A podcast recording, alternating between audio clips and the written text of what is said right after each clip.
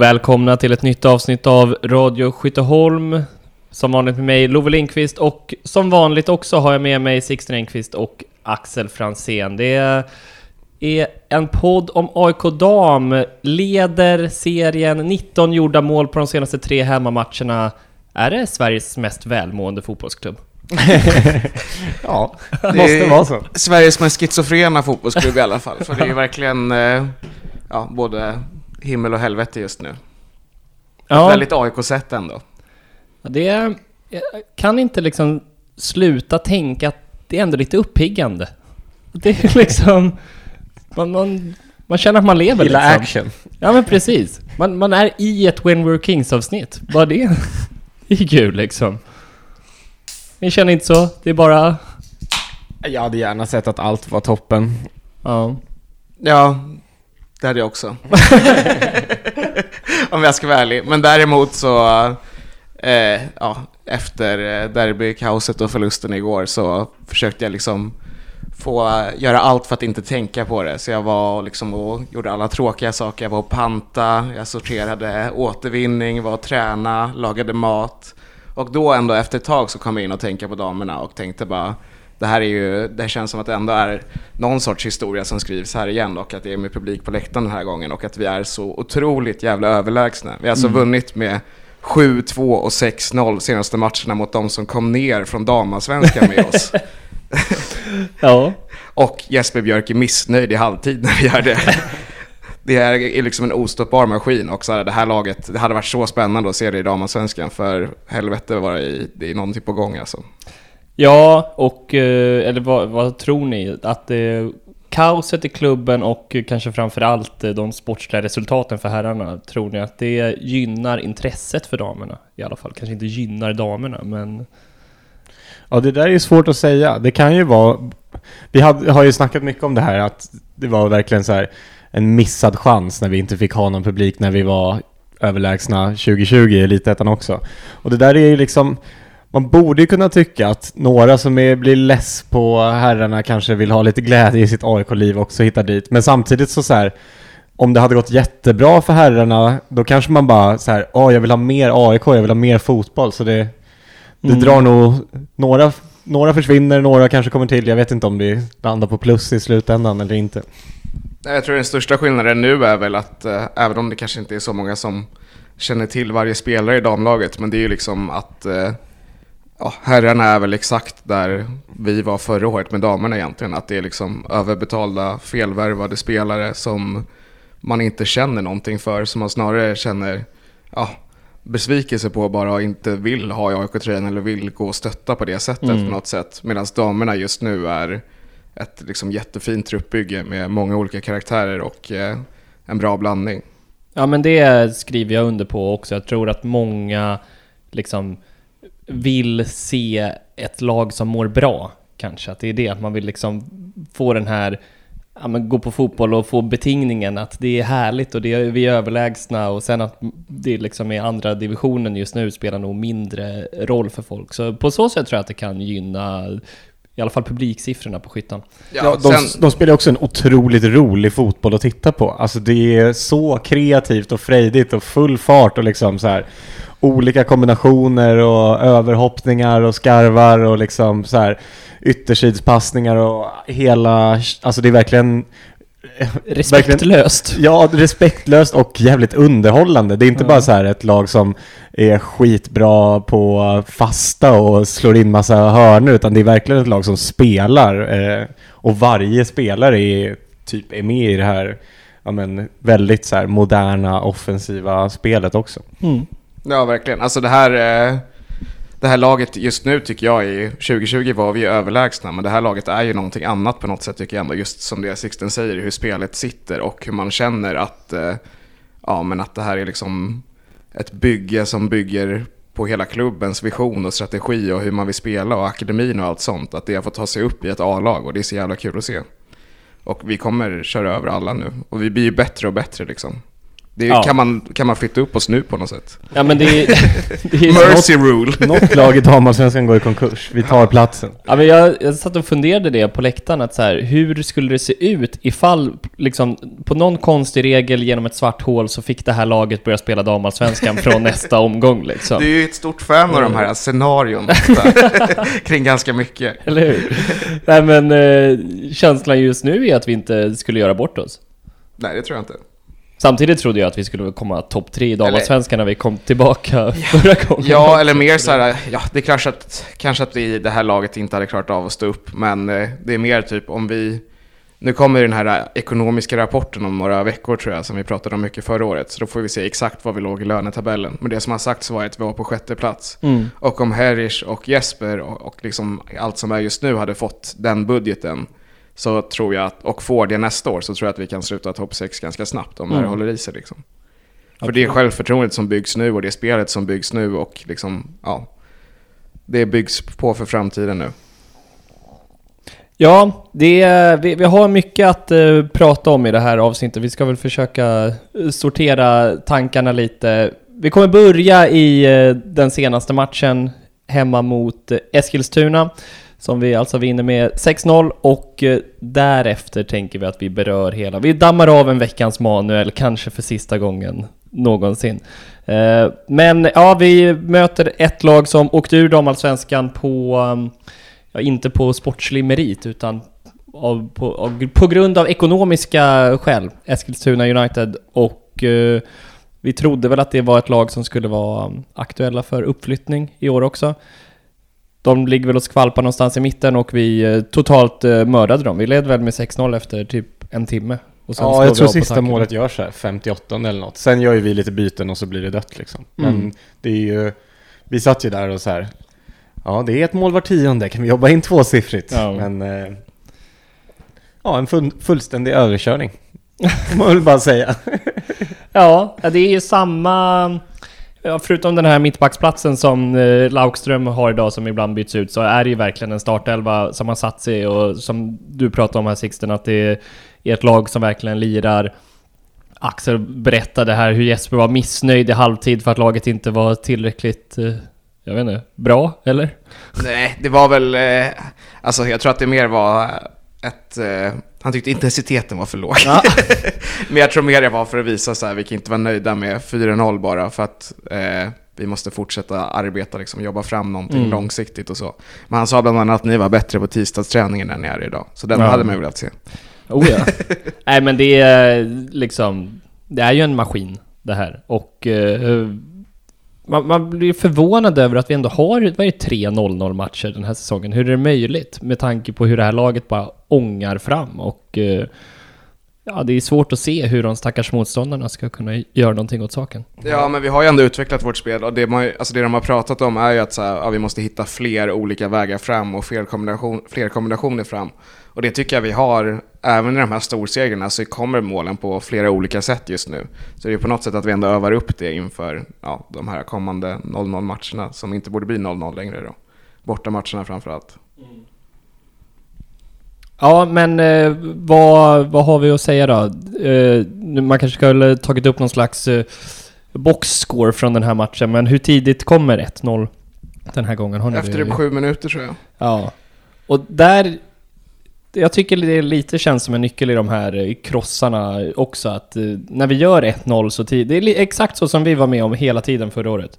När motståndarna gör 1-0 tidigt, då är det kört. Liksom. Och vi är de motståndarna i år. Ja. Eh, Så det är väl klart att Eskilstuna måste ju, det är väl inte så att man sitter och känner att oj vad de flyttar fram efter 1-0. Eh, Men det är klart att de måste ju försöka gå för det lite och ehm, då straffar vi dem. Känns som att deras, deras mindset i matchen var redan vid 1-0 att eh, vad skönt det ska bli när, det var, när den är över så vi kan gå på Gröna Lund tillsammans eller vad, vad de nu skulle göra under sin helg i Stockholm. De var, ja, bjöd inte på mycket försök ens framåt känns det som. Och vi stoppar ju dem väldigt effektivt med vår höga intensiva press också. Ja. Även om den nu inte var tillräckligt intensiv då. Axel, är det någonting du tar med dig från matchen? Nej men att det, jag tycker ändå att eh, Jag tycker nog att det här var vår bästa match hittills faktiskt. Även Mm. om det är avslaget sista halvtimmen, vilket det kanske inte har varit så mycket i de tidigare matcherna. Men eh, jag vet inte, jag tycker framförallt liksom eh, hur kul vi såg ut att ha det. Och hur kul det var att titta på. Typ row flow i den här matchen. Det är någon sekvens när hon typ så här tittfintar bort två, tre pers liksom. Och efter att ha haft lekstuga med Nildén. Och det är, man märker verkligen att de har så kul tillsammans och det är så kul att titta på. Och att alla är delaktiga i det på något sätt. Till och med ja, med Jenny och Laukström som inte behöver göra så mycket idag. De bidrar ändå offensivt också. Och varje gång, det är ändå ett enormt ansvar när vi liksom har fem anfallare. Att de få gånger de kommer igenom så stoppar de ju också. Och det krävs ju. Och eh, Serina gjorde inte mycket heller, men hon, hon är där. ja, precis. Ja, Hon fyller ut en plats i laget. Något lågt inspel som hon fick plocka upp eller något sånt där. Ja. Hon får väl inte göra någon riktig räddning i matchen. Nej, det sa Jesper AIK Plus också, hur viktigt det är att vi håller nollan nu. Och Ja, Laukström var också inne på det, att de var väldigt missnöjda med att de hade släppt in mål mot Umeå. Ja, men alltså oavsett om det är Parkner eller Laukström som spelar, alltså det är ju helt omöjligt att vinna dueller mot vår, vår, liksom, våra innebackar. Mm. Oavsett vilka vi ställer där liksom.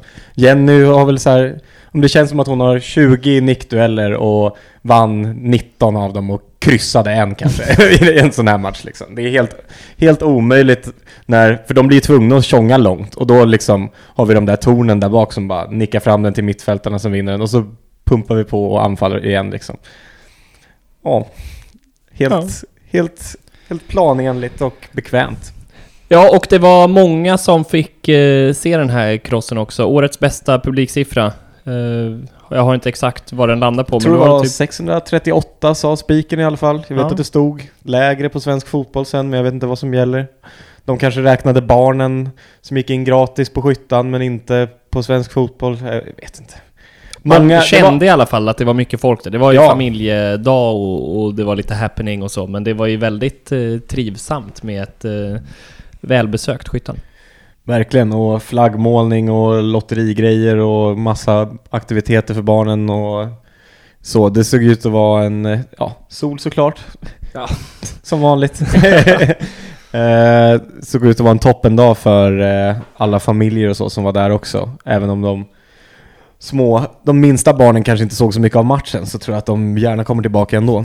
Ja, svensk fotboll har korrigerat det till 600 blankt nu, så de har kommit till Okej. någon, eh, en överenskommelse där. Ja. Ja, Det var rätt mycket Eskilstuna-supportrar också. men de har ett ganska starkt följe Ja. ändå. Det har de haft alla gånger vi har mött dem egentligen. De Väldigt gillar ju att kul. trumma. Ja, det. Var väldigt kul med de som drog någon gång i 75 minuten och det var några snubbar framför oss som sjöng Ska ni gå hem nu? Och kvinnan, hon är två meter ifrån, vände sig och säger Nu går vi till Max. Ja, alltså, jag orkar inte mer, nu går vi till Max och fick sympati av alla. Förstår det. på den dialekten också. Underbart. Men eh, också förståeligt att de valde Max för den här foodtrucken som var i, i lördags alltså. Nej, den behöver inte anlita igen alltså. Noll koll på läget. Det är katastrof. Ja, i halvtid var det slut på mat. Men Det var också swi- mycket swish-problem med ölen, så... Men det var fint att se alla, alla hjälpas åt. Notor delades ut, någon, eh, någon med cash fick, blev väldigt populär där. Ja, det var härligt också tycker jag. De slutade ju trumma, kanske delvis på grund av hur det gick i matchen, men också för att varje gång de trummade så liksom tog ju AIK-publiken chansen att köra någon egen ramsa till den takten. Så att de blev ändå överröstade. Även när de försökte dra igång egna ramsor. Ja. Nej, väldigt, eh, väldigt trivsamt på det sättet. Jag hoppas att, eh, att det kommer lika många på nästa hemmatch. Ja. Ja. Där nu. Det är väl ett par veckor kvar till dess, men Ja, 17 juni tror jag att det är. ja. Ja, någonting mer vi vill säga om eh, matchen? Jenny Nordins eh, hundrade, gör det med bravur. Ja, blev det Manuels sista gärning som AIK-VD att dela ut blommor till henne kanske? Det sista han eh, faktiskt konkret gjorde. Möjligt. Kanske gjorde inte. någonting igår också. Ja, kanske. ja, det Fila på avskedsbrevet. kanske var det som fick, var droppen till slut. Han, Ja, exakt. Hur fan delar han ut de här blommorna egentligen? Eh, nej men eh, Jenny, hon uh, blir väl inte bara belönad med blommor av Manuel utan får lite bärs av oss också. Ja, hon får en hedersam eh, 2-2 av oss. Mm. För en, ja, kanske inte hennes svåraste match, men en i stort sett helt felfri insats. Och hon är den i backlinjen också som kanske, ja men, slår bort minst bollar också. Det tyckte jag ändå att både Annika kanske framförallt, men också Laukström eh, inte lika säkra i det korta, enkla passningsspelet alltid. Mm. Kanske att Annika försöker slå lite halvsvåra passningar ibland och ska misslyckas oftare eller vad man säger. Men det känns som att Jenny inte satte en fot fel på hela tillställningen. Annika kändes ändå tröttare än vanligt tycker jag, men det är väl förklarligt om hon har varit borta på läger och så också. Mm. Ja, Det här hade jag nästan velat se eh, Luxemburg komma in tidigare och få chansen. Ja, ja det, hon borde behöva jobba sig in. Alltså, vi vet ju hur bra hon är när hon är bra. Det skulle ändå vara skönt ifall hon, alltså Emily Jansson, kom in mer i, i matcherna tycker jag också. Eh, men eh, 2-8, Michelle Rojas Flores. Får hon målet, 2-0 målet? Eller jag tyckte Nej, det inte till det. Den går ju inte, den går ju inte in om inte den tar på deras spelare. Nej. Så det blev väl ett, ett solklart självmål av det till slut. Ja, det var en väldigt tveksam målgest hon gjorde. Eller hon var lite så här, ska jag, ska jag inte? Och hon gjorde Men någon... var det någon sorts Spiderman-grej Ja, eller? det var högst oklart vad det var för någonting och jag tror också hon kände att så här, nu ska jag göra den här oklara målgesten, fan vad pinsamt om det liksom är ett solklart självmål, men äh, fuck it, jag kör. Ja, det var härligt. Oavsett är det ju hennes mål. Alltså så här, hon slår in den i den ytan och den, eh, när man ser på reprisen så är det ändå ett ganska hårt liksom, inlägg slash Mm. skott. Så hon skapar ju ändå målet. Och det, jag ska ge henne stor cred för något, om jag ska få klaga på någonting så tycker jag att det är lite tråkigt att spelarna aldrig firar mot publiken. Mm. Eh, vilket så här, det känns som att man knappt är där när vi har gjort mål. Och jag förstår att så här, oftast är det inte så jättemånga där, utan det kanske inte är ett invant beteende, att man inte har sett lika många andra göra det och att det då känns som ett steg att göra. Liksom. Men att hon ändå vände sig mot publiken tycker jag gjorde enorm skillnad och det hade jag önskat mer av fler spelare. Absolut. Jenny har gjort det någon gång också, men man minns ju väldigt tydligt bara när Rosa gjorde sitt första mål, hur hon sprang mot publiken och klappade liksom på bröstet och sånt. Det är klart att man inte ska krysta fram någonting, men det är ändå något man kanske kan tänka på, för att jag tror att eh, det gör mycket som publik också, om man får det här gemensamma minnet liksom, mer än att man bara är en åskådare. Mm. Ja, men eh, är det därför hon får 2-8 eller? Ligger bakom ett självmål och, och firar mot Nej, publiken? men hon har ju varit, eh, alltså hon har ju varit suverän senaste matcherna och vi har väl kanske inte gett henne tillräckligt med cred. Hon, Mm. har, ligger- hon måste ha flest hockeyassist av alla i laget skulle jag tro. Och gör ju mycket assist också och är ju extremt rolig att titta på eh, överlag. Ja, hon och Nildén på den kanten i den här matchen har ju ja, med total lekstuga stundtals och liksom vrider och vänder och kombinerar med varandra och de verkar Alltså för varje match som går så känns det som att de hittar varandra bättre och bättre. Mm. Och de har väl eh, tränat och spelat ihop i BP innan också så det är väl inte så konstigt att de har en, har en bra, bra kemi. Ja, Och man det. ser att det är två smarta spelare också liksom som, som vet vad de har varandra och jävligt kreativa båda två. Ja, nej men det, det håller jag med om. Och laget eh, som vi varit in lite på blir ju mer och mer samspelta och eh, när de här stora segersiffrorna kommer, de här 6-0 och 7-0 målen, då de lär sig hur man gör mål på det här motståndet på något sätt. Alltså man ser ju ganska mycket, jag tänker på Grabus mål i andra halvlek, hur så bara, då, vi möter inte bra fotbollsspelare, jag kan bara springa förbi dem och göra mål. Och Nildén får ju den insikten ibland också att det, ja men det, de verkligen så här, det behöver inte vara så krångligt på något sätt. Eh, Men, eh, ja jag nämner Grabus, jag nämner Nildén, men eh, ja, båda måste ställas åt sidan den här dagen, trots att de var grymma. Vi ger 3-5 till Daniela Familj. Som återigen gör mål alltså. Hon, hon är vass. Ja, verkligen. Dyker upp på rätt plats vid rätt tillfälle hela tiden. Ja, Nej, men hon har ju... Är hon säsongens överraskning för oss hittills ja kanske? helt klart. Ni jag trodde ju aldrig att hon skulle liksom ha en just nu given startplats och eh, liksom... Ja, hon är väl delad tvåa i vår interna skytteliga, eller tvåa Men det var sättet hon Gradus. kom in i laget också, att det var så här. Ja, vi har en, en spelare på provspel. Eh, som sa, ja men hon är typ mittfältare. Och så liksom, ja men fick hoppa in i någon träning så här, ja fast nu, nu spelar hon anfall. Det Ja, var verkligen... det var, man Och så blev lite förvånad att de fick hoppa också. in mer och mer hela tiden. Ja, så. ja, det var lite så här Emma Paljevic-vibbar av. Ja, Som för övrigt också har gjort typ lika många mål i den här serien. Ja. Sen är det ju också för att vi är historielösa. Hon har ju en historia i AIK liksom. Ja, så är det eh, det är ju för att vi inte följde laget då. Mm. Annars hade vi kanske tänkt, åh hon som var så lovande, kul att hon är tillbaka. Ja. Ändå spelat i damallsvenskan lite och så också. ja, nej men absolut. Det, det var ju mycket att vi inte hade koll, men samtidigt så basunerades inte ut heller. Nej, liksom. hon har ju ett jävla skott alltså. ja. Det är kanske, kanske skarpaste avslut i laget nästan. Och det tycker jag att så här, Nildén gör ju också ett riktigt snyggt mål och Grabus liksom... Åh herregud, med fel fot till och med. Mm. Ja, men. Grabus andra mål är också otroligt, alltså att hon rinner igenom på det sättet och sen det säkra avslutet.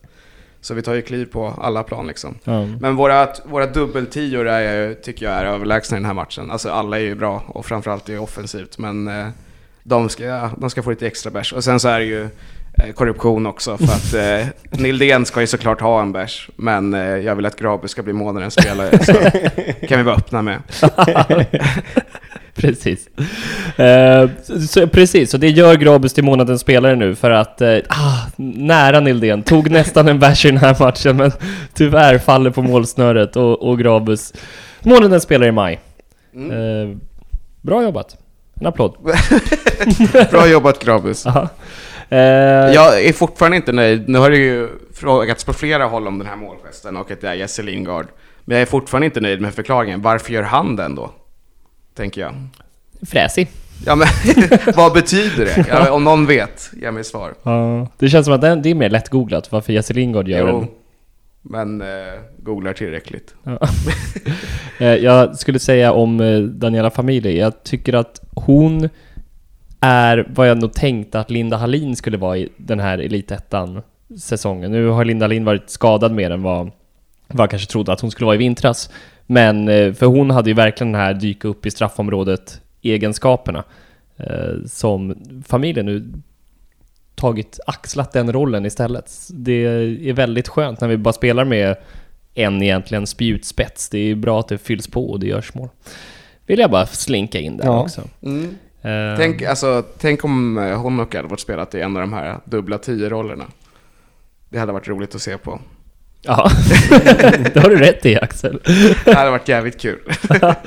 Jag inte, hur går det för henne i England? Kan vi Det värva tillbaka? Hon är Ja, ordinarie och har gjort poäng och så tror jag. Åkte inte ur. Jag tror Remy åkte ur. Ja, Det, det är lite hennes grej. Ja, ja. Konsultande åkerurare. undrar vad som händer med henne? Uppsala kanske är sugna? Ja, hon ska väl åka ur i italienska ligan också. Ska Ja. Istället för att så här, vinna eh, titlar i alla ligor ska hon åka ur i alla ligor. Mm.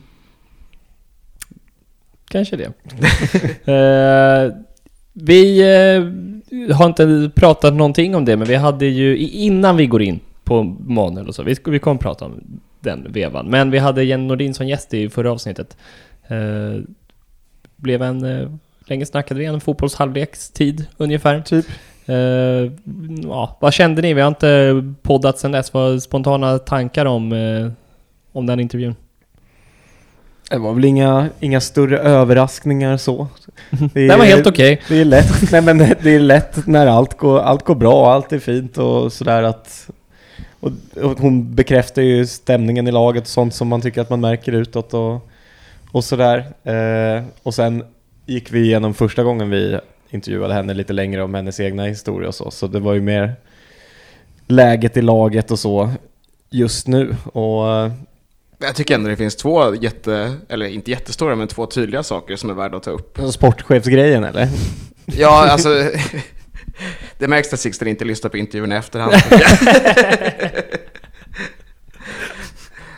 Sak ett, att, eh, att, som var kul att höra då, som vi inte har hört från någon annan, att, så här, att eh, förutsättningarna har inte ändrats någonting från att vi åkte ur, Mm. vilket hon trodde att de skulle göra. Och det är ju väldigt positivt att, eh, det liksom, eh, att vi håller det vi lovar och liksom fortfarande satsar lika mycket. Och det var ju väldigt kul att höra. Och sen det här hur, alltså jag skulle säga att hon var ändå förra gången var det så här, eh, jag var här för att jag har skrivit två år och jag ska först göra dem. Nu var det ändå väldigt tydligt med att så här, jag är här för att stanna. Mm. Jag är inte bara här för att stanna som spelare, jag är här för att stanna för att bygga upp den här sektionen efter som spelare också. Att jag vill vara sportchef och jag vill vara involverad och bygga upp hela den här sektionen. Och det Mm. känns ju så otroligt viktigt i liksom hur vi bygger allting nu. Att det är klart det ska vara akademin också. Men det måste ju finnas sådana här också som dels är liksom hjältar på plan men också tar ansvar utanför. Det håller jag med om och det känns så fantastiskt på något sätt att eh, det, det är klart så här, när allting går bra och framtiden just nu ser ganska ljus ut eh, kanske är lättare att tänka de tankarna då men fan vad jag hoppas att det är liksom att den glöden håller i sig att hon för det första blir kvar som spelare jag tror nog hon har många år kvar i sig med tanke på Ja, hon är bara 30, hon är ju 10 år kvar. Ja, ja. ja, men säkert i alla fall fem på en hög nivå. Det tvivlar jag inte alls på. Ehm, men sen eh, liksom den ledaren hon är. Och det, liksom, även om hon kanske skojar lite om sportchefsbiten så tror jag ju absolut att eh, liksom någon typ av ledarroll som kanske nödvändigtvis inte är huvudtränare passar nog väldigt bra för henne. Ja, Ja. verkligen. Blir som eh, Kärna, CSR-ansvarig och sen smygs ut bakvägen. Precis. Jag hoppas inte. Nej, det tror jag inte. Ja, eh, så då, det var det glada då. Eh, vi, eh, ja, när vi spelar in det här är det måndag och det är, det samma dag som alla fick beskedet att Manuel Lindberg lämnar som VD. Det som eh, är sagt är väl att han säger upp sig själv, men hade väl inte jättemycket till val om man säger så. Skönt att han inte ja, men, gör sig, tving, vad ska jag säga, att han liksom eh, klamrar sig fast bara för att bli sparkad och få någon fallskärm liksom. Men eh, det är väl inte smart för framtida jobb att hålla på så. nej precis, så skönt. Ja. Eh, jag, alltså vi har ju pratat eh, mycket om Manuel och vi var ju, eftersom han var mer involverad i damsektionen så tidigt jämfört med herrsektionen så kanske vi var lite tidiga med att prata om Manuel. Och det är framförallt en sak som jag har tänkt på den här dagen, eller den här dagen egentligen i flera månader nu, när Axel sa, jag tror det var under hösten, att Manuel gör sig väldigt lättsparkad just nu. Att han är alldeles för medial var väl framförallt det du antydde, men att han uh, Ja, eller, eller som jag minns det då var det väl att så här, Manuel var hela liksom uspen med att han var anställd. Och det, hur man beskrev det var att han var utifrån, eh, att han kom från näringslivshållet och att han hade en stor rutin av att driva igenom processer och därför skulle följa det här styrdokumentet väldigt noga och att liksom egentligen ja, lämna känslorna utanför och följa dokumentet. Och om man ska vara en sån person i den här klubben som dessutom inte fattar vad klubben är för någonting, då kan man inte vara ute och glappa så mycket käft som han gjorde. Och det Mm. gjorde han ju jättetidigt i damerna. Alltså det här om vi åker ut, so be it, hade ju liksom varit en skandal om det var på här sidan. Och vi pratade ju liksom, som man pratade när allt kring Nabbe hände eh, och hur det kommunicerades, så pratade ju vi i maj förra året liksom, för att det var tydligt redan då. Mm. Eh, Så exakt så blev det ju och det blev ju ännu värre när han eh, skulle vara sportchef också och alltså man ska väl inte lägga diagnoser på folk men han har ju uppenbarligen liksom narcissistiska inslag i hur han agerar. Ja. Att så här, ja, Jag klarar vad som helst. Ja, och eh, att liksom just den här övertron i också att jag har så rätt som han pratade om damfotbollen och att så här, ja, känna sig övermäktig på det sättet. Jag vet inte, det är en väldigt grundanalys på något sätt. Men det jag skulle komma till är att så här, då, det blev ju ännu värre när han var sportchef och gjorde sina uttalanden då. Mm. Och då faller det ju ännu mer emot liksom att så här, vara den här processstyrda, att så, här, så fort han blev personen som ska verkställa processen så gjorde han allting motsatt. Ja. Det är ju jättekonstigt. Ja, det är det onekligen. Eh, det, det är liksom... Jag kan på något sätt inte fatta att vi eh, för lite mer än ett år sedan satt och liksom, ja, men pratade om eh, potentiella vd-namn som hade bollats upp och, och då fanns den här mystiska BP-mannen eh, Manuel. Eh, och eh, sen så liksom, jag vet inte, det gick så fort från att han var bara en så här, ja, nu har vi en ny VD till att eh, det är en person som håller på att köra den här kl- klubben i botten liksom. Det, det är fascinerande. Men det- man tänkte ju ett tag där att så här, är- är det här någon, liksom, någon, någon galning som gör det här med flit? Att så här, hur, lite, vad heter den där serien som alla tittar på? Succession. Ja, jag tror jag tänkte på Ted, Ted Lasso. Lasso. Ja. precis. ja, jag har inte sett det själv, så det kanske var en dålig referens. men- Ja, eller det är ju så han anställs, men sen visar sig vara en kanonperson och allt är jättefint. Ja, nej men lite så här eh, kronologi, tidslinjen i alla fall som när vi började märka av Manuel. Det första han gör eh, liksom som märks ut mot supportrarna är väl när Anne och uh, Majus sparkas. Ja, det ska han väl ändå, om det nu är han som har sett att så här. Det, ja, men det har väl ändå hintats om att det här kanske borde ha gjorts lite tidigare men ingen hade ta, tagit tag i det. Så kommer Mm. han in och bara, vad fan, varför är det så här? Och ändå gjorde någonting åt det. Vi vet ju inte hur det här har gått till eller så, men om han på något sätt var mer beredd att ta det obekväma beslutet än folk innan så var ju det ändå bevisligen något som behövdes. Absolut. Där var det ju, alltså Björn Westerström verkade ju inte brytt sig om de sektionerna överhuvudtaget. Att det är liksom, det är Anne som sköter den där biten. Ja, Och så, lite så. Eh, så, och det hyllade vi ju väl Manuel, eller det har vi väl sagt att bra, bra jobbat. Att, Ja, han kom in och såg något som var väldigt fel och brydde sig om det. Ja. Eh, och eh, sen så minns jag det som att nästa puck är eh, Remy och Hannah Davison, när de lämnar. Jenny och Hanna Davidson. Eh, precis, så var det. Eh, Jenny och Hannah Davison. Eh, och det, hur den kommunikationen sköttes. Att det var liksom i semestertider och det var väldigt så här. Eh, jag, jag kommer inte exakt ihåg om Manuel uttalade sig här eller om det bara var Herish som gjorde det, men att det kändes som att eh, nu, så här går saker och ting inte till i AIK. Vi kastar inte folk, ja men ikoner, eller i alla fall ledande personer, omtyckta spelare, under Ja, eller bussen. framförallt lämnar vi inte så öppna mål för pressen att styra narrativet och göra skandalrubriker. För det kommer de göra ändå. Ja, Så då behöver man inte ge dem det på ett fat liksom. Ja, även så här spelare som så här, inte har gjort något stort avtryck eller så får ändå alltid så här, en värdig hej då-artikel på Mm. hemsidan liksom och så här, det här har de gjort i den här tröjan och så liksom tack och lycka till. Men liksom, ja, hela den och var de, ju- den här är ju svår för att liksom här vet vi inte till 100% hur mycket Manuel var inblandad i det, men det, på no, det var ändå liksom i hans, när han hade börjat Men han är fortfarande och, ansvarig liksom. Ja, precis. Och börjat vara lite verkställande direktör. Eh, det var då det skedde, och sen så kom ju hela det här Manuel och eh, Manuel och damfotbollen, eller vad man ska säga. Ja men det kom faktiskt innan till och med. Okej. Det kom i maj förra året. Alltså det är typ precis efter att vi har bytt eh, ledare och så. Mhm.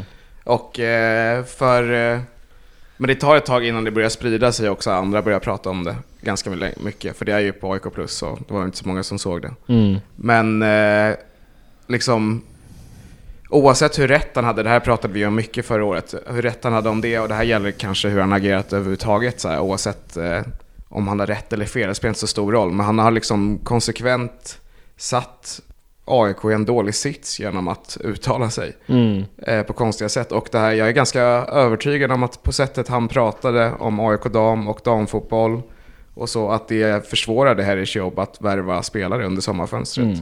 För det vi vet nu är ju att det fanns en budget att värva spelare för, men ingen ville komma. Och det tror jag inte är så konstigt när det högsta hönset säger typ att så här, ja, alla damspelare vill ha för mycket betalt. När de knappt får betalt överhuvudtaget. Ja. Vilket var på ett sätt det han sa.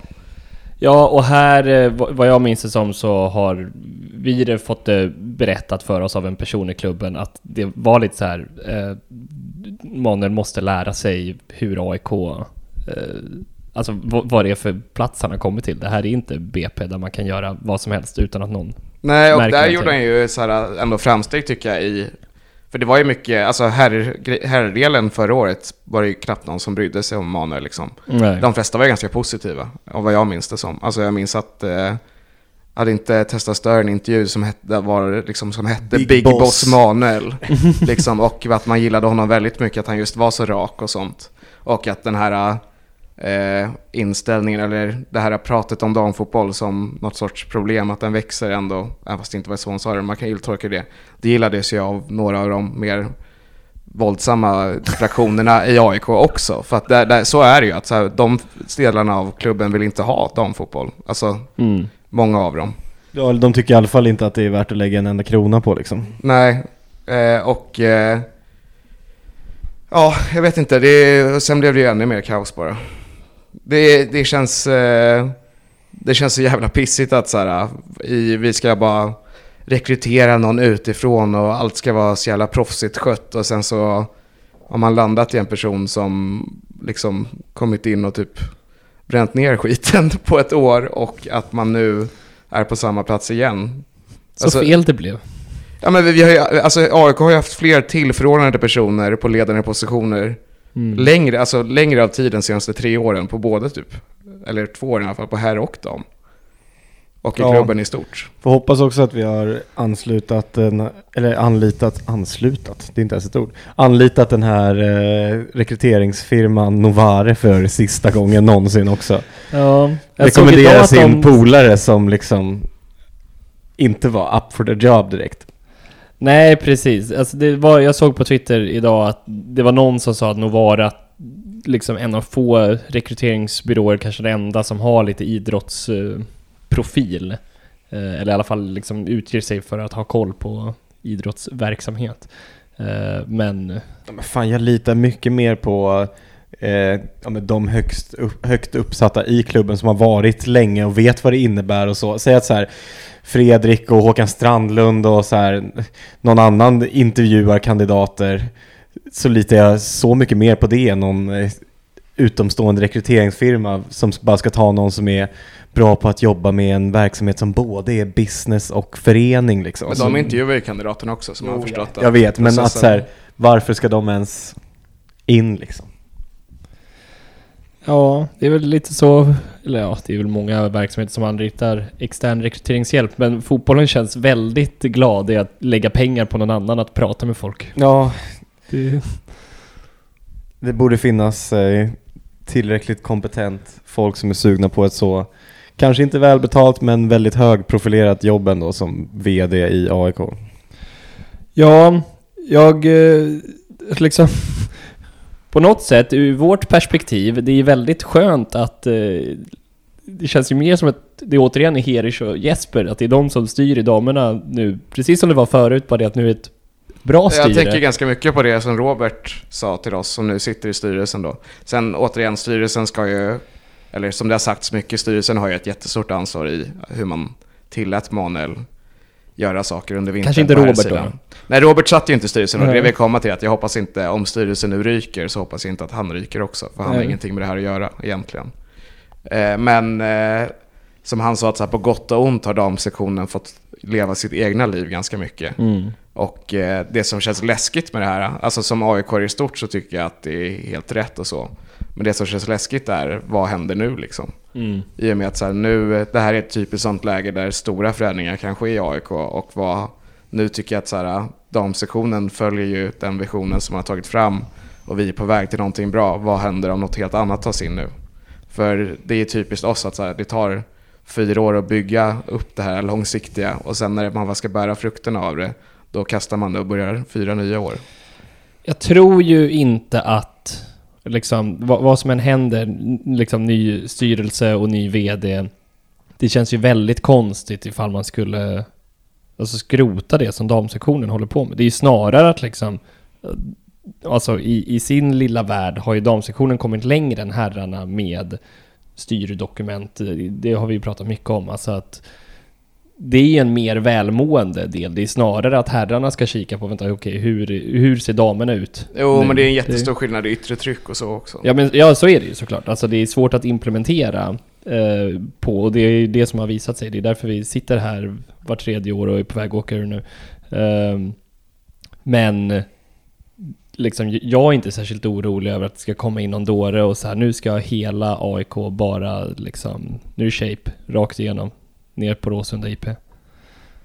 Nej, Eller var det det du tänkte? Eller Nej men det jag vet komma inte, någon ja, men det beror på vad som händer överhuvudtaget. Alltså det har ju svängt fram och tillbaka i klubben flera gånger.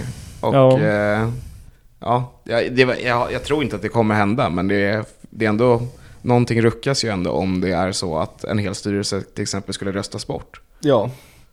Och eh, att det behöver inte betyda att så här, damernas verksamhet ändras i år, men det kanske ändras framåt liksom. Och inte prioriteras. Och så Men- vidare. Alltså, nu har vi suttit ner och, och snackat med Robert och tycker att han är trevlig och har nog inte hunnit jobba så mycket i styrelsen än, så eh, det är klart att man inte vill byta ut honom.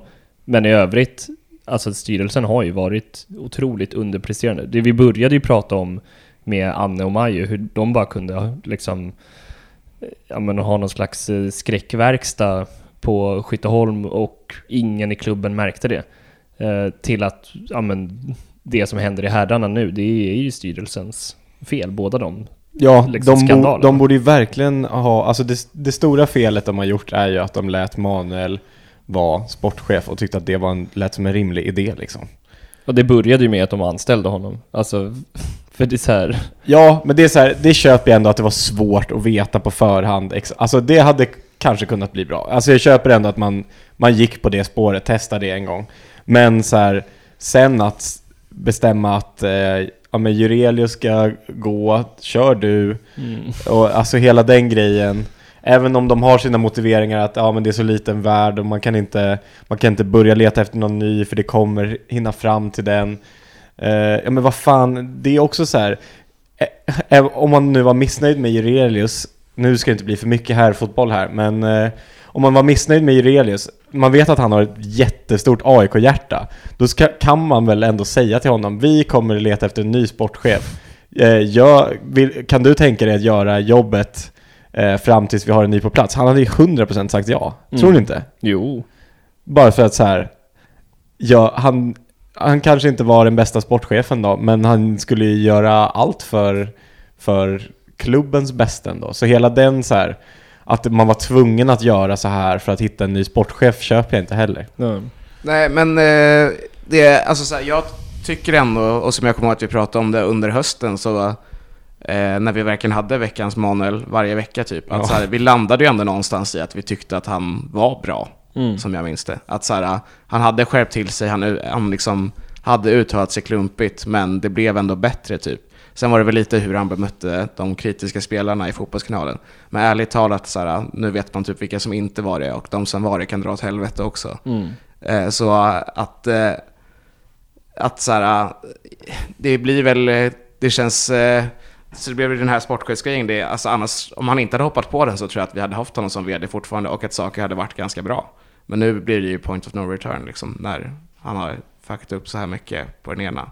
Och typ så här, när vi försökte få till intervju med honom i vintras, då var det ju lite så här, ja men jag kan inte prata om dam nu, ni får prata med Herish. Så då har han ju liksom övergivit den delen av sektionen också för att Det tänkte jag på också. Alltså, eller typ när han blev utbränd som sportchef. Att så här, okej men hur, hur mycket VD var det för klubben överhuvudtaget? Och att nog mycket föll mellan stolarna också. Eller möjligtvis som Fredrik Söderberg plockade upp dem. Ja, och där är det ju bara tur att damerna just nu har haft Heders och Jesper Ja men och en det var ju det jag var inne på. Att, sig liksom. att de har bra ledare. Och Hade det varit några galningar där nu så hade ju ingen märkt det den här gången heller, antagligen. Exakt. Ehm,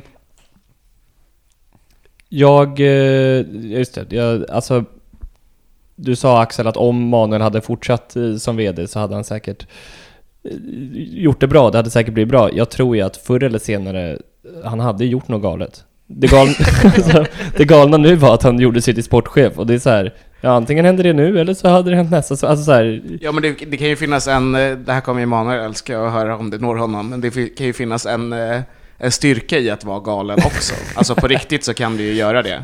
ja. Men, och om man då har kanske så här ett tydligt ramverk och tydliga begränsningar från andra, så Mm. kan det ju vara en styrka att så här, tänka lite mer galet än andra liksom. Men eh, nu fick han ju köra lite fritt och det var ju roligare att sitta och få klappar på axeln av Birro för att man var så galen Mm. liksom, i poddar än att sköta verksamheten typ. Jag tror ju att ehm, eh, just det här att leda en fotbollsklubb, jag tror att det är ett väldigt stort problem att liksom kunderna är fotbollssupportrar och personalen är fotbollsspelare. Det är liksom så, det är så ovanligt jämfört med alla andra verksamheter. Alltså så här, det är inte så många liksom andra yrkesgrupper som bara säger nej jag tänker inte jobba bra nu, för jag är lite sur. Alltså, det, fotbollsspelare är ju så otroligt bara dåliga människor. det vet jag inte. inte alla. Men det är sköra, Det är, det många egon. Det är det. precis. både på läktaren och på plan. Ja. Ja, ja, ja, fan, blanda in supportrar i det här också. Så det, är, det är svårt, det är dålig krock. Ja, Jag vill, ändå, jag vill ändå ge oss att vi eh, att vi genomskådade, eller vad man ska säga, var skeptiska till Manuel väldigt tidigt. eh, ja men så här, bara på generell liksom vibe och feeling och så i början så tog det inte lång tid innan jag kände att eh, nej fan det här är nog inte min, min typ av VD liksom. Jag intalade mig själv väldigt hårt att eh, Alltså så här, man- det finns något fint begrepp för det. Men jag förnekade ju liksom Ja att man gör ju det för ja. man vill ju att det ska bli bra för AIK. Exakt, och det är, som, det är samma sak med nyförvärv liksom. Ja, och att man liksom vill inte att vi ska behöva byta person igen. Nej, Ja. det känns nästan som det viktigaste Ja, hela exakt. tiden. Att, så här, och därför är man så här, men det kanske blir bra, han behöver lära sig klubben och så vidare. Mm. Men eh, ja, det var ju tråkigt att det behövde bli så här dramatiskt på något sätt. För det är Ja. ju inte bra heller liksom. Och eh, ja, nu står vi här igen. Jag tror ju att det liksom. kommer något, något bra utav det. det Ja, men det, för mig så finns det bara en lösning. Och, så här, och det är att Fredrik Söder blir VD. ja, jag tänkte att vi skulle komma in på det. Eh, och vill du... Ja. Min, jag min fråga skulle vara, tror ni att Fredrik Söderberg blir VD och tror ni att jag det vet är inte bra? om han vill. Det är det som känns. Alltså, så här, eh, för på ett sätt så är ju bevisligen att vara högst upp i den här klubben är ju, har i alla fall hittills senaste åren känns det som att det finns ju liksom en, en tidsfrist på det på något sätt. Ja. Du kommer bli utkörd till slut förr eller senare. Eller så kommer du typ ta ett annat jobb. Men Eller det som jag skulle säga det- är då att så här, det tror jag inte att... Och jag tror ingen utomstående kommer liksom kunna ha den... Alltså vem skulle utomstående vilja ta det här galna jobbet som är nästan omöjligt att göra? Det är jättekonstiga, jättekonstig press. Det är eh, en jättekonstig miljö överhuvudtaget. Och så här, du kan säkert få bättre betalt på många andra ställen. Men eh, alltså, det enda sättet man ska ta det då är så här, okej det här är ett bra karriärsval i sådana fall. Eller så här, det här är en bra karriärstege och då kan jag gå vidare sen till typ förbundet eller något annat pampigt liksom. Men eh, de personerna kommer inte bli långvariga på grund av det heller. Så den enda som jag tror kan vara långvarig nu och som så här, kan klubben bla bla bla, men som också inte bara är intern rekrytering på något sätt, ändå har en, en, liksom en erfarenhet från, från näringslivet är Fredrik Söderberg. Men då är det så här, vill han vara det? Eller vill han inte vara det? Men, Jag tror typ, det känns som att han har sagt något som har antytt att han inte är jättesugen just av den anledningen. Någon gång. För att så här, Att det är det för...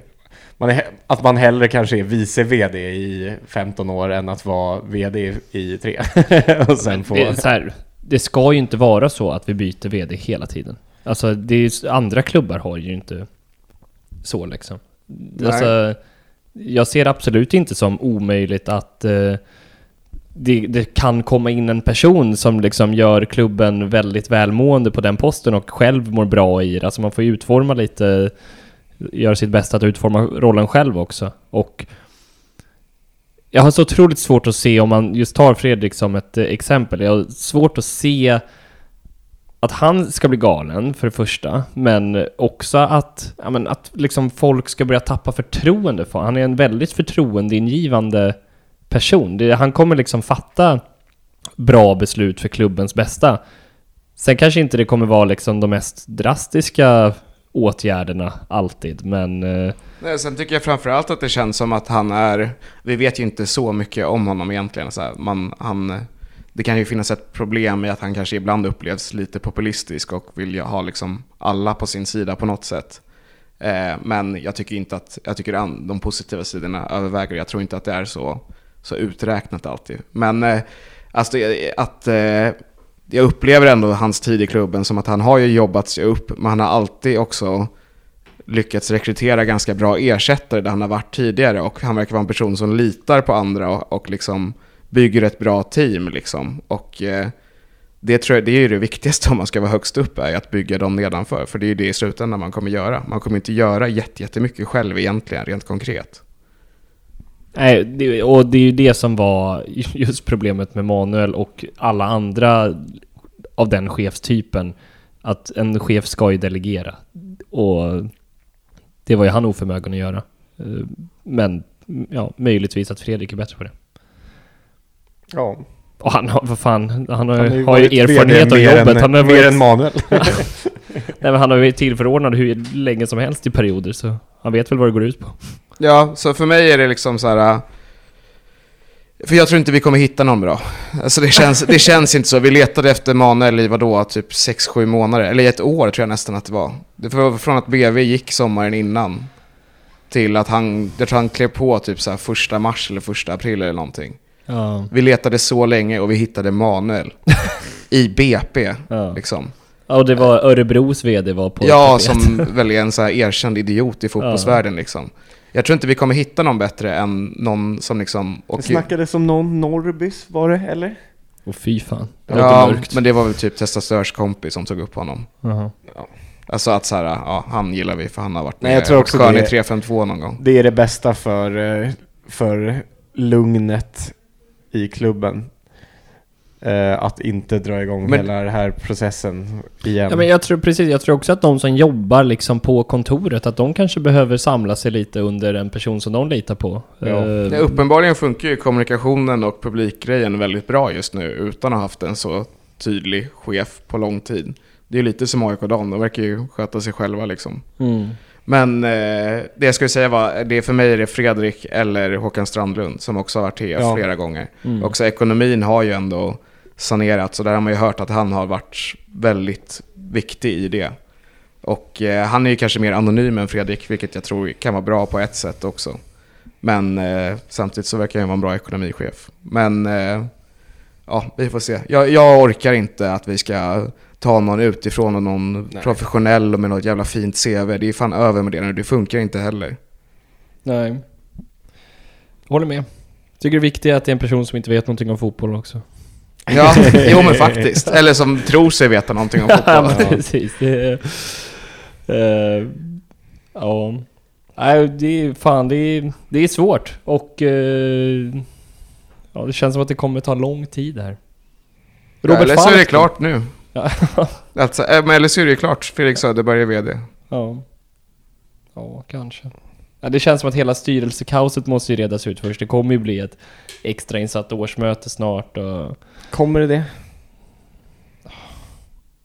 Ja, jag antar det. Det känns, brukar det inte vara så i sådana här... Hela styrelsen kommer sätta sina, ställa sina platser till förfogande. Ja. Ja, jag vet inte fan om det är lösningen på någonting. Nej, det vet jag fan om det, men det är, jag tror också att det kommer hända. Ja.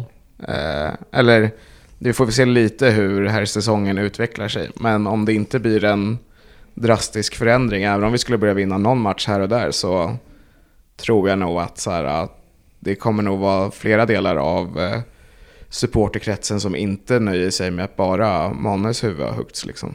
Nej, det är ju alltså framförallt eh, Falks avgång och herrarnas eh, gamla scout eh, Tobias Ackerman. Ja, Brännan har väl det jävligt hett om öronen också. Ja, Ja men där verkar jag ändå tycka att det känns som att så här, ja, men där litar man på Berntsen just Ja. nu. Mm. Jag tror att det är mer att man vill rucka strukturerna ovanifrån som... Var det Novare som hittade Berntsen eller? Det var väl någon Jag rekryteringsfirma tror i typ det var det. Så fall. Nej, jag, det, var jag tänk- sam, det var samma som tog Högmo i alla fall. Jag vet inte vilka det var. Okej, då låter det kanon. Nej, men jag tänkte på det häromdagen, eh, sa det till eh, en annan kompis också, att så här, fan var det de som eh, är ansvariga för honom också? Är han också galen? Han så här, spelarna ska träna hårt kommer sluta med att de tränar så här 16 timmar om dagen. Precis, bara springer upp och ner för Hammarbybacken. Åh gud, ja. Ja, eh, det är... Vi har säkert anledning att återkomma i ämnet. Ja men precis, det, det har ju blivit mycket eh, liksom herre, herravstamp i det här avsnittet Men det är ju för, som Fredrik eh, sa när han gästade oss, att det är ju ändå herrarna som eh, driver den här föreningen framåt och, Ja, och som styrelsen sa i, i brevet också. mm, Eller i kommunikén. Att eh, det är ju här som är det som tar upp, eller som både drar in mest pengar och eh, är loket i den här klubben. Och så är det ju. Mm. Ja, och vad här gör påverkar ju då indirekt dam. Så Ja. vi måste ju Ja snacka om precis, det, helheten. jag tror ju damsektionen någorlunda står på egna ben men det kommer ju aldrig göras någon satsning ifall herrlaget eh, spelar Superettan. Tror jag. Nej, det... Det hänger lite på att... Att dam...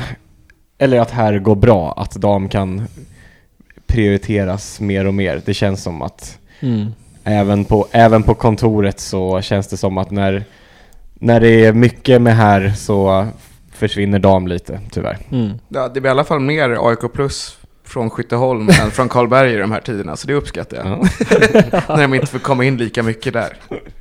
Exakt. Ja, eh, ska vi eh, i alla fall kanske stänga det här och, och blicka framåt lite sportsligt för damerna. När spelar vi våran nästa Vi match? spelar mot Sundsvall i helgen. Jag vet inte om det är, jag tror att det är söndag. Kanske? ja. Men kolla. Det är lördag. Borta. Borta i Sundsvall på lördag och eh, sen så... De näst- verkar ju vara något sorts strykgäng, så det blir väl 11-0 eller något här. Ja, det skulle vara skönt att få till det på bortaplan. Vi har ju väl bara slagit eh, Häcken borta. Ja, Och det var ju lite en låtsasmatch. ja det var ingen riktig match nej. Nej. Så... Eh, nej, men det vore ju skönt. De har tagit tre poäng första åtta. 4-15 i målskillnad. Så det ska vi väl lyckas med. Ja, det kommer nog bli blodigt. Ja. Stackars Annars är det avgå alla. Nästa hemmamatch då, som man ska... Var inte det klockan 16 nästa hemmamatch tyckte jag att jag såg? 15 tror jag. Men innan den matchen så är det ju en match, eh, en bortamatch där det organiseras en buss. Som Black Lady och Black Ja. Army gör. Som vi kan Bollstanäs. eh, pusha lite för. Bollstanäs borta. 20 minuter buss från, från Solna station. Det kommer bli trevligt. Ja, och det är liksom eh, Bollstanäs, eh, jag vet inte vad vallen heter, men... Eh, Jag tror att den heter Bollstanäs IP faktiskt. Bollstanäs den ligger vid IP. vattnet. ja, det är inte en Trevligt. plats som är lätt att ta sig till eh, med kollektivtrafiken. Nej, det är ju faktiskt inte det. Så det är ganska smidigt att eh, den här bussen går. Mm. Eh, så köp biljetter, det kostar 100 spänn bara. Ja. Absolut. Ja men okej, så det är två, Nästan billigare än SL. två bortamatcher innan nästa skyttarmatch alltså. Ja, precis. Det var ju tråkigt. Ja, Uh, och Bollstanäs, de har väl svalnat av eh, lite i, efter att ledat serien ett tag Ja, vilket vi väl ändå alla Såg som bryr sig om den här serien trodde. Utom möjligtvis Bollstanäs. Hela fotbollssverige visste att Bollstanäs kommer inte Ja. hålla den här. Men de är väl nykomlingar också? Var de ja, inte det? Ja men det är väl typ halva. det är halva serien. Alla andra går i Det är konkurs. sant. Från ett eller annat håll i halva serien De var nykomlingar underifrån. Ja. Ja. Men, eh, ja, Manuel kanske kan få jobb där. ja, kanske det. Jag ska göra Bollstanäs sexigare. Ja. Jag är elitettan sexigare. Precis. Precis. Nej, men eh, skämt åsido så eh, tack ändå för att du har lagt ner jobb Manuel. Det får man väl ändå säga. Det tycker Mm. jag att man får ha med i sådana här situationer alltid. Som med Majo och Anne och så också. De har ändå lagt ner mycket jobb och eh, det ska man väl tacka dem för. Och, eh, men det är skönt att det är över. Mm. Ja. Och ändå skönt att han eh, kunde komma tillbaka från sin eh, sjukskrivning i alla fall. Mm, hoppas han eh, får en eh, bättre arbetsmiljö. Ja, kanske ett normalt jobb i en normal miljö. Ja, absolut. Ja, och eh, tack till alla som har lyssnat på det här avsnittet. Jag hoppas ni kunde hålla ihop eh, tankarna. Det kändes som att vi var lite spretiga. Ja, det var vi. Men eh, skjuter brett och... Jag gillar det här avsnittet. Det känns som förr i tiden.